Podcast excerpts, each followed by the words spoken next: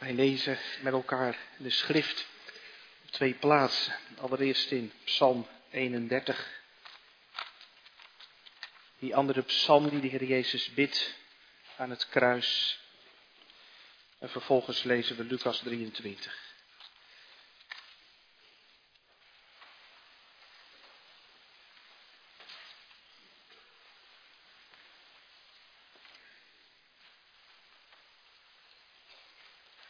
Psalm 31 en Lucas 23. Van Psalm 31 lezen we de eerste zeven versen. Het is een psalm van David voor de koorleider. Tot u, Heer, heb ik de toevlucht genomen. Laat me niet beschaamd worden voor eeuwig. Bevrijd mij door uw gerechtigheid. Neig uw oor tot mij, red mij met spoed. Wees voor mij een sterke rots, een burcht om mij te behouden. Want u bent mijn rots en mijn burcht. Wijs mij dan de weg en leid mij zachtjes omwille van uw naam. Trek mij uit het net dat zij heimelijk voor mij spanden, want u bent mijn kracht. In uw hand beveel ik mijn geest. U hebt mij verlost, Heere, getrouwe God. Ik haat hen die nietige afgoden vereren. Ik vertrouw op de Heere.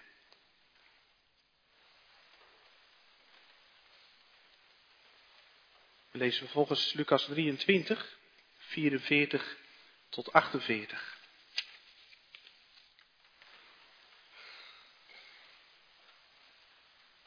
Lucas 23, vers 44. En het was ongeveer het zesde uur. En er kwam duisternis over heel de aarde tot het negende uur toe. En de zon werd verduisterd en het voorhangsel van de tempel scheurde midden door. En Jezus riep met luide stem en zei, Vader, in uw handen beveel ik mijn geest. En toen hij dat gezegd had, gaf hij de geest. Toen de hoofdman over honderd zag wat er gebeurd was, verheerlijkte hij God en zei werkelijk, deze mens was rechtvaardig. En al de menigten die samengekomen waren om dit te zien, zagen wat er gebeurd was en keerden terug, terwijl ze zich op de borst sloegen.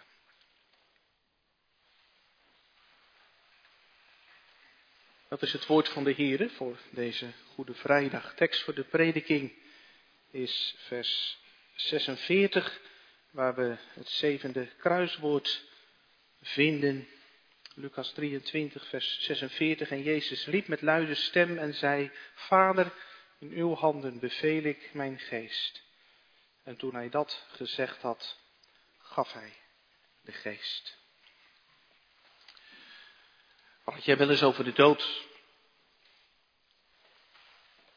En u praat u wel eens over de dood. U weet vast dat uh, Syrië op dit moment bezig is met een campagne om de dood bespreekbaarder te maken. U weet wel, is Syrië een stichting die maatschappelijke onderwerpen onder de aandacht brengt over alcohol en does lief om elkaar aan te spreken op onaardig gedrag. En nu de dood. Praat erover, niet eroverheen. Want wat blijkt uit onderzoek, één op de drie mensen praat nooit over de dood. Dat is de toelichting bij de campagne. Terwijl het juist waardevol is om samen bij de dood stil te staan, erover te praten en elkaar erbij te helpen. Het gesprek aangaan verbindt en verrijkt. Dat is de toelichting van Sieren dat ze gekozen hebben nu voor deze campagne. Best waardevol toch? Want misschien herkent u maar al te goed de neiging om de dood weg te duwen. Op afstand te houden. Wat helemaal niet verkeerd is om je van tijd tot tijd af te vragen, ja, mijn dood, zou ik al op de helft van mijn leven zitten? Of uh, ben ik er al ver overheen? Is mijn dood al heel snel? Soms komt dat even heel dichtbij, hè, de dood. Dat had ik zelf pas, uh, misschien hebt u dat meegekregen in het nieuws, dat ongeluk in Gaam. Waarbij uh, een moeder met drie kindjes in de auto tegen een boom geklapt is om een onverklaarbare reden. Een jongetje van vier jaar omgekomen. En een babytje van acht maanden overleden. Ik had het niet eens meegekregen in het nieuws. Maar later hoorde ik dat die uh, vader van dat gezin een kattegezant is uit mijn eerste gemeente. En dan ervaar je het weer even aan den lijve. Ons leven is zo kwetsbaar. En waarom zouden we struisvogels spelen en doen alsof wij het eeuwige leven hier op aarde hebben? Weet vanavond wil de heiland met u praten over uw dood en over zijn dood. Gelukkig dat laatste ook. Thema voor de preek. Ik voor u. Omdat u anders de eeuwige dood had moeten sterven. En dan drie dingen. Jezus geeft zijn leven. Jezus sterft mijn dood. Jezus leert mij een les. Ik voor u, omdat u anders de eeuwige dood had moeten sterven. Jezus geeft zijn leven. Hij sterft mijn dood. Hij leert mij een les. Heel bijzonder dat we zo heel gedetailleerd de gebeurtenissen in de evangelie overgeleverd hebben gekregen. Van die laatste dag van het leven van de Heer Jezus. Op middag hebben we geluisterd naar eh, Daniel, die drie keer per dag neerknielde voor zijn open raam in de richting van Jeruzalem. De Heer Jezus lijkt wel wat op Daniel. Zelfs op zijn sterfdag bidt hij drie keer. Want het eerste kruiswoord is een gebed, het vierde kruiswoord is een gebed en het laatste kruiswoord ook. Het eerste kruiswoord, Vader vergeef het hun, want ze weten niet wat zij doen. Het vierde kruiswoord, mijn God, mijn God, waarom hebt u mij verlaten? En ook het laatste, waar we vanavond samen naar luisteren. Vader, in uw handen beveel ik mijn geest. Heer Jezus heeft biddend geleefd en is biddend gestorven.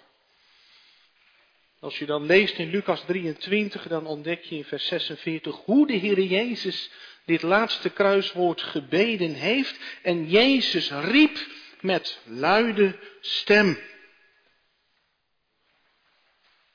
En we hebben al eerder gezien, er staat in het evangelie geen één woordje overbodig en geen één woordje toevallig. Dit mag ons opvallen. Dat Jezus dit met luide stem roept, want doorgaans stikte een kruiseling. We hebben dat al eerder gezien. Om adem te halen moest een kruiseling zich optrekken aan de wonden in zijn handen of zich opduwen aan de wonden in zijn voeten. En dan raakte een kruiseling uitgeput. Of als dat te lang duurde, dat proces, zoals je ook in het evangelie van Johannes leest, het is bijna sabbat opschieten, dan werden de beenderen verbrijzeld, zodat dat niet meer lukte om je op te richten als kruiseling zodat de dood spoedig intrad. Maar Jezus roept dit kruiswoord met luide stem, dat hoort niet bij de verstikkingsdood. Als je bijna stikt, dan kun je alleen nog maar wat fluisteren. Een enkel woord, een enkele zucht. Maar Jezus sterven is een actieve daad. Dat blijkt uit alles. Hij geeft de geest. En in het Johannesevangelie staat, en hij boog het hoofd en gaf de geest. En dan moet u even letten op de volgorde daarvan. Want doorgaans is toch de volgorde sterven en dan rolt je hoofd op je borst. Zakt je hoofd op, het borst, op je borst als je aan het kruis hangt. Maar bij Jezus is het anders. Hij had het gezegd, niemand neemt het leven van mij af, maar ik geef het uit mijzelf. De Jezus sterft niet omdat zijn krachten op zijn, maar omdat zijn opdracht klaar is. Hij heeft het geroepen, dat hebben we zondag gehoord. Tetelestai. Het is volbracht. Hij had aan het begin van zijn leven de naam Jezus gekregen als een programma. Want hij zal zijn volk zalig maken van hun zonde. En nu heeft Jezus alles gedaan, alles geleden wat nodig is om zijn volk zalig te maken. En de hemelse Vader is tevreden, vers 45. Het voorhangsel van de tempel scheurt midden door. Toegang vrij. Schaduwdienst voorbij. Prijs de Heer. De weg is open. En omdat zijn opdracht klaar is, geeft de Heer Jezus dan zijn leven terug aan zijn Vader. En dat doet hij door een gebed te bidden, een avondgebed. Jongens en meisjes, ik weet niet welk avondgebed jij bidt voordat je slapen gaat. Misschien wel hetzelfde als uh, ik vroeger heb geleerd. Dan uh, gingen we knielen voor, uh, voor mijn bed. En dan zong ik samen met mijn moeder, ik ga slapen, ik ben moe. Ik sluit mijn beide oogjes toe. Die ken jij ook, denk ik, hè? Heere, houd ook deze nacht over mij getrouwde wacht. En het boze dat ik heb gedaan, zie het Heere toch niet aan. Schoon mijn zonden vele zijn, maak om Jezus wil mij rein. Je zonde beleden is alles vlak. Dan kun je heerlijk gaan slapen. Dan kun je zo je te rusten leggen. Dat je weet, de Heere waakt over mij. De Heer Jezus bidt woorden uit Psalm 31 en dat is onderdeel van een Joods avondgebed, een Joods kindergebed. Elke Jood bad die woorden s'avonds. Dus dat zevende kruiswoord, dat heeft de gevoelswaarde van ik ga slapen, ik ben moe. Misschien heeft de Heer Jezus deze woorden, ik denk het wel, van zijn moeder, van moeder Maria geleerd. En gaat hij hier met dat kindergebed op de lippen de nacht van de dood in. We hebben Psalm 31 gelezen, stukje, het eerste deel. Psalm van David die in gevaar is. Want hij zegt, trek mij uit het net dat zij heimelijk voor mij spanden, want u bent mijn kracht. In uw hand beveel ik mijn geest. Gaat er over een net wat gespand is in het verborgen, een hinderlaag. Het is in de Bijbel vaak het beeld voor vijanden die op een listige manier proberen om je te vangen, om je om te brengen. David zit voor zijn gevoel verstrikt. Misschien wel omdat Saul of Absalom hem op de hielen zit. Hij is omringd door vijanden. Het gaat in de psalm over angst, laster, doodsbedreiging. David bidt of God hem redt van de dood. En de grote Davidszoon gaat er de dood mee in. In uw handen beveel ik mijn geest, mijn adem, mijn leven, dat wat ik ben, mijn ik. En die beveel ik in uw hand. Ik plaats mijn leven over in uw hand. Ik draag mijn leven over. Of ik geef mijn leven bij u in bewaring. Het zoals jij misschien wel eens doet als je kinderfeestje hebt en jullie gaan met de fiets naar het bos. En je gaat spelen in het bos, boompje klimmen. Wat doe je dan met je fietssleuteltje? Die geef je in bewaring bij de moeder van de jarige. Want die gaat niet in de boom. En daar is dat sleuteltje tenminste veilig. En als je dan uitgespeeld bent, dan krijg je dat fietssleuteltje weer terug. De Jezus geeft zijn leven in bewaring met zijn vader, om het over de drie dagen weer terug te krijgen. Ook dat vertrouwen, dat zit in dat zevende kruiswoord, dat vind je in Psalm 31. In uw hand beveel ik mijn geest. En dan is het vervolg in de psalm. U hebt mij verlost, Heere, getrouwe God. Daar loopt het op uit. Heere, waak over mij, bidt de Heer Jezus, nu ik de nacht van de dood inga. En wilt u mij dan op Pasen vroeg wakker maken om de discipelen weer bij elkaar te gaan roepen? En dan zitten er twee opvallende verschillen tussen dat regeltje in Psalm 31 en het kruiswoord dat Jezus bidt. Heer Jezus begint met Vader. Dat is het eerste opvallende verschil. Zoals hij zijn hele leven zijn hemelse Vader heeft genoemd. Het eerste woord wat in de Bijbel opgetekend staat van de Heer Jezus is. Wist u niet dat ik moet zijn in de dingen van mijn Vader? En het eerste kruiswoord ook Vader. Vergeef het u. En, en hier, Vader in uw handen. Het is één moment dat Jezus geen Vader zegt. Met dat vierde kruiswoord. In de Godverlatenheid. Dan zijn er geen vaderhanden voor hem. Dan blijven alleen de modenaarshanden over. Handen die zich tot vuisten hebben gebald, die hem kinderbakslaag hebben gegeven. Handen die een geesel omklemmen. Handen die zijn rug openploegen. Handen die hem uitkleden. Handen die een moker hanteren. Handen die hem spottend aanwijzen. Hij heeft op God vertrouwd. Laat die hem nu redden. Verlos uzelf. En nu is er weer een vader. Nu Jezus alles heeft volbracht. Het wordt weer licht en het voorhangsel scheurt. Prijs de Heere, de weg is open naar de Vader. Dat is het hier.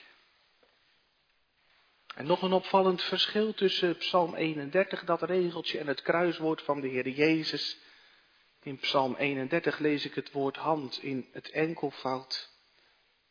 En in het zevende kruiswoord in het meervoud, in uw handen beveel ik mijn geest. Zou dat nou zonder betekenis zijn?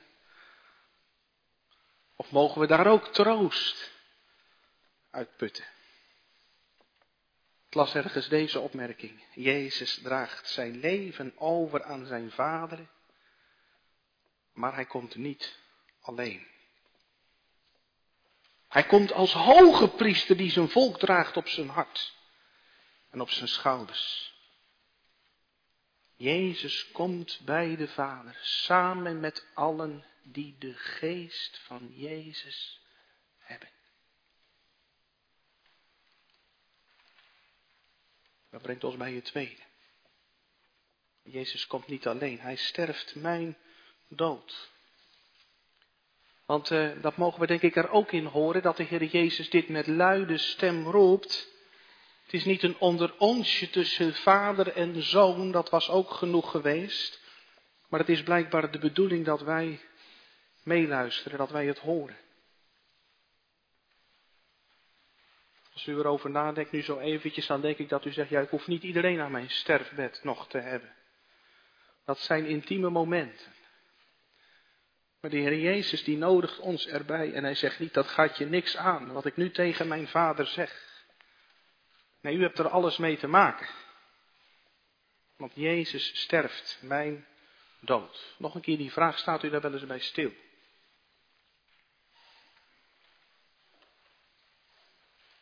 Niet voor niets die campagne van Sieren. Wij hebben allemaal manieren gevonden in onze samenleving om de dood, ja, om mee om te gaan, een weg mee te vinden kunt u dood wegdrukken, op afstand houden. En dat lukt in onze samenleving heel erg goed. De medische wetenschap is zo hoogstaand. Eigenlijk is sterven vooral iets wat in het bejaardenhuis plaatsvindt. Gaat oude mensen aan. En de dood heeft niet echt meer een plek in ons straatbeeld, want de begraafplaats is niet meer in het midden van het dorp rond de kerk, maar achter het groen, de rand van het dorp. Of mensen zijn bezig om de dood te integreren. De dood hoort bij het leven. Moet je niet moeilijk over doen. Het is fijn als je aan het eind van je leven kunt zeggen: Ik heb een mooi leven gehad en dan is het ook klaar. Mensen die proberen om de dood functioneel te maken. Sterven, dat is dat je ja, opschuift, plaats maakt voor de volgende generatie. En hoe zijn we bezig om de dood te beheersen, naar onze hand te zetten? Je moet je er niet door laten overvallen. Half jaar is die wet aangenomen. Vrijwillig levenseinde. Die regelt dat 75-plussers die niet dodelijk ziek zijn, maar wel klaar zijn met het leven, hulp krijgen met zelfdoding. Zo doen we dat in onze samenleving. Wij controleren de dood. De Bijbel zegt wat anders. De dood is een indringer, een vijand. Jongens en meisjes, als je leest over de scheppingsdagen, dan staat er op geen één scheppingsdag en God schiep een begraafplaats. Want Romeinen 6, de dood is het loon op de zonde. De Heer maakt een afspraak met Adam en Eva. Als je van die boom eet, die ene, van alle bomen mag je eten, maar van die ene niet. Maar als je er toch van eet, dan zul je de dood sterven. En afspraak is afspraak bij God. Adam en Eva eten. En daarom komt de dood in de wereld als een indringer. Bent u ook zondaar? Misschien lijkt u wel heel erg op Adam en Eva. En zeg je dat ook? Misschien niet met woorden, maar dan wel met je gedrag. Vanaf nu bepaal ik hoe het in mijn leven gaat en wat goed en fout is. En vanaf nu gaat het zoals ik het wil. Dan zegt de Bijbel, dan heb je de dood verdiend. Maar hier op Golgotha komt Jezus mijn verdiende loon in ontvangst nemen. En Jezus vraagt u vanaf het kruis, mag ik voor jou betalen? En als de Heer Jezus niet voor u mag betalen, dan moet u zelf de openstaande rekening bij God voldoen. Want dat is een beslissend verschil, hè? sterf je met of zonder borg, met of zonder Jezus. Als je zonder plaatsvervanger, zonder lam sterft, dan sterf je zoals die rijke man. Uit die gelijkenis weet u wel, die had een goed matras. Een rijk gedekte tafel. Een huis vol comfort. Alles uit het leven gehaald wat erin zit. Genoten op en top. En na zijn laatste snik doet hij zijn ogen open in de hel. Voor hem is de dood een doorgang naar de eeuwige pijn. Maar als je sterft met lam, met Jezus, dan sterf je zoals die arme Lazarus. Wat een leven, altijd jeuk. Levenslang bedelaar geweest, maar als zijn ogen breken, dan tillen de engelen hem op en dragen hem in de schoot van Abraham. Zijn dood is een doorgang naar het leven. Dus waar draait het om? Hebt u lam. Wie in de zoon gelooft, heeft het eeuwige leven. En, en, en dat is beslissend voor ieder van ons. Heel veel mensen doen op de een of andere manier toch alsof er een soort derde weg is. Hè? Ik ben niet goed genoeg voor de hemel, maar niet slecht genoeg voor de hel.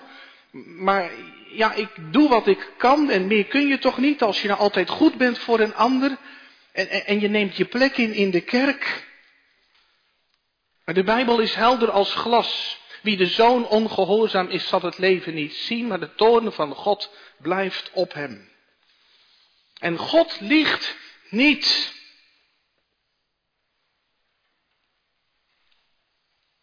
Als hij dreigt. En ook niet als hij belooft.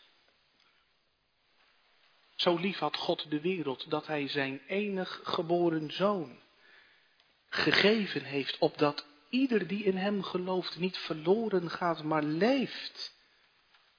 En wat is dan geloven? Wat heb ik dan nodig om getroost te kunnen leven en te kunnen sterven? Maar gemeente, misschien ligt het geheim wel in dit zevende kruiswoord. Dat je dit woord bij leven liet bidden.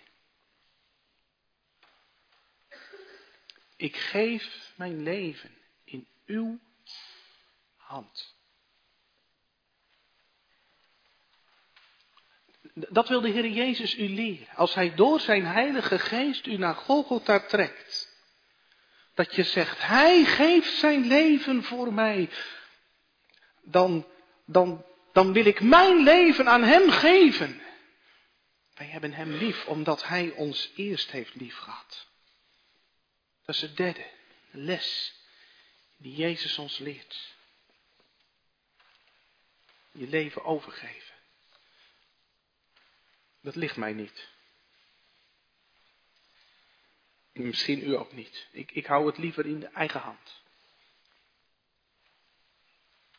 Als, als kerkganger, hey, je, je blijft maar proberen om een beter mens te worden. Om er van te maken als kerkganger. Om vromer te worden. Je blijft maar zoeken naar geluk. Maar je redt het niet. Dat uh, is al voorbij gekomen in het Lucas-evangelie, acht hoofdstukken terug. In die gelijkenis weet u wel van die uh, verloren zoon. Die jongen die afscheid neemt van zijn vader. Met een grote zak geld naar een ver land. Het is toch zeker mijn leven. Hij gaat op zoek naar het geluk. Zoals jij het misschien ook probeert. Overal zoeken. Geluk, genot. Uit het leven halen wat het heeft. En overal zoeken, maar niet bij de Vader. Alles zien, alles proberen, alles proeven. Wat er te koop is. In die gelijkenis loopt het op een fiasco uit. Op de dood. Het, het randje van de dood. De hongersnood. En dan het keerpunt in die gelijkenis. Als die jongen denkt aan de gulle hand van zijn vader. De knechten van mijn vader hebben overvloed van brood. En hij gaat terug.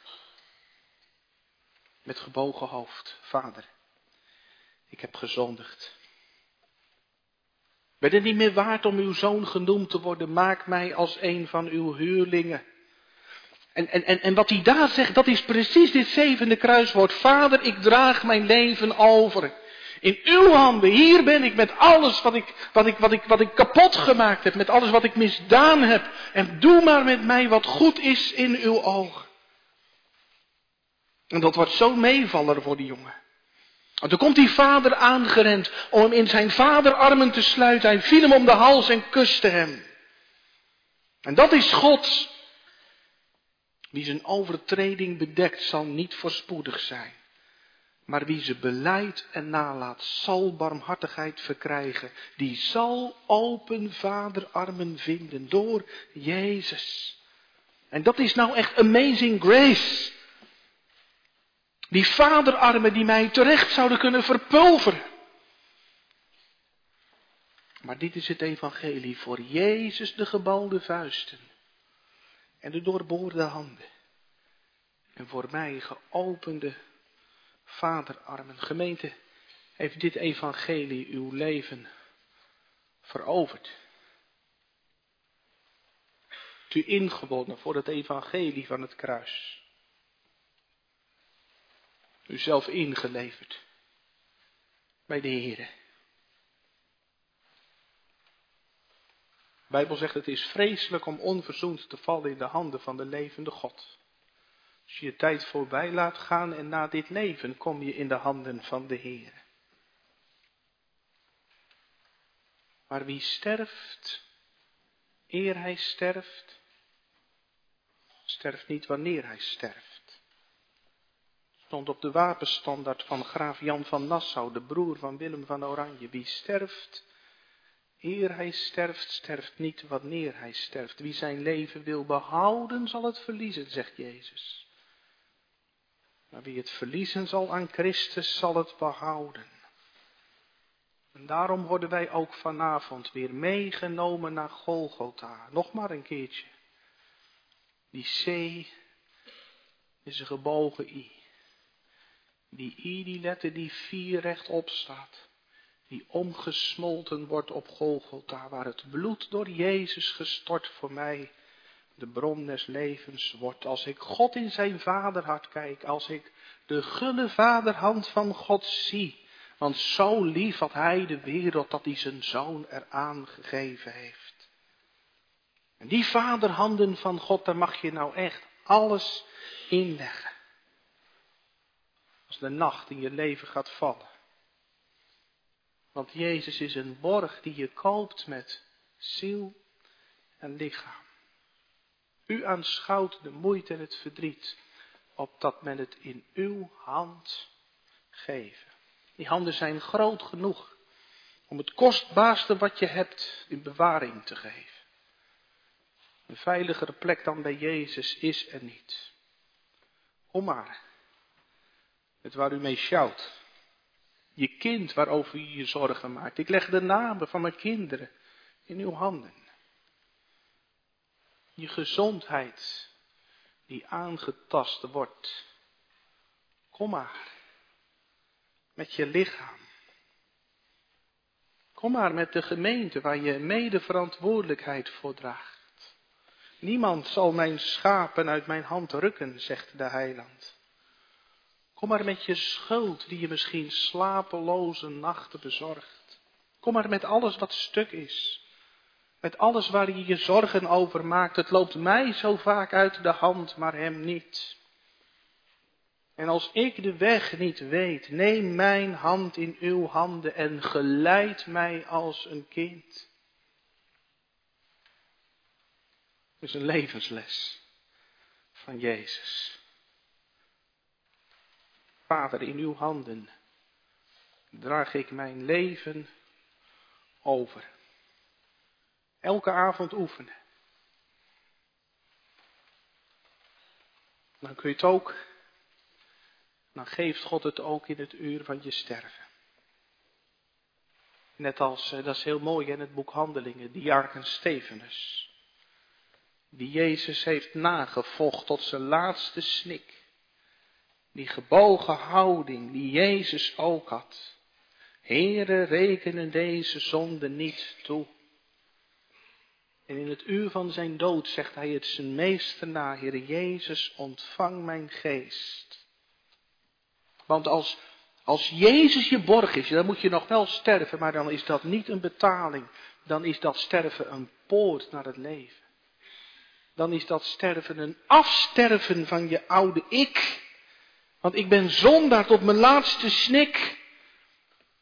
Dat merk je in de Bijbel toch ook. David die in grote zonde valt en Abraham die momenten van, van wantrouwen kent. En Job die zijn geboortedag vervloekt. En Paulus die het goede wil doen, maar het kwade ligt hem bij. Zonder tot je laatste snik, maar na die laatste snik dan is het over en uit met de zonde. Geen slechte gedachten, geen kwade woorden meer, geen foute keuzes meer, maar alles wat ik zeg en denk en doe tot eer van God en van het Lam.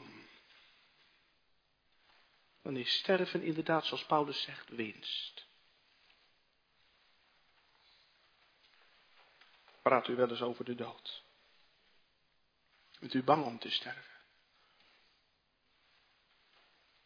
Ik soms wel. Alles achterlaten. God ontmoeten. Maar als het u daar is, dan hoop ik dat Jezus zo alles voor mij is. Dat ik mijn laatste adem uitblaas met dezelfde vrede als mijn eiland. Al bezwijkt mijn vlees en mijn hart, dan is God de rots van mijn hart en voor eeuwig mijn deel. Heere, houd ook deze nacht over mij getrouwde wacht. Dat was voor Jezus drie dagen. Voor ons is het misschien eh, drie maanden, drie jaar, drie decennia of drie eeuwen. Maar veilig in Jezus armen, ook onder het zand, ook onder mijn steen. Want Jezus vergeet zijn schaapjes niet. Ik heb het wel eens vaker verteld, hè? Wij vroeger eh, vaak naar Zwitserland op vakantie gingen. Midden in de nacht gingen we dan rijden. En als ik dan ging slapen, dan vroeg ik aan mijn vader, vergeet u mij niet. Maakt u me wel wakker. Maar lekker liggen. Ik maak je wel wakker als het zover is. Zo je ogen sluiten. Alles vlak. Wij dan gerechtvaardigd uit het geloof hebben vrede bij God. En dan gaan slapen in het vertrouwen. Dat de dag van de wederopstanding komt. Want Jezus houdt getrouw de wacht. Over allen die het hem nabidden. Vader, in uw handen beveel ik mijn geest om dan wakker te worden en mee te zingen. U hebt mij verlost. Heren, getrouwe God. Amen.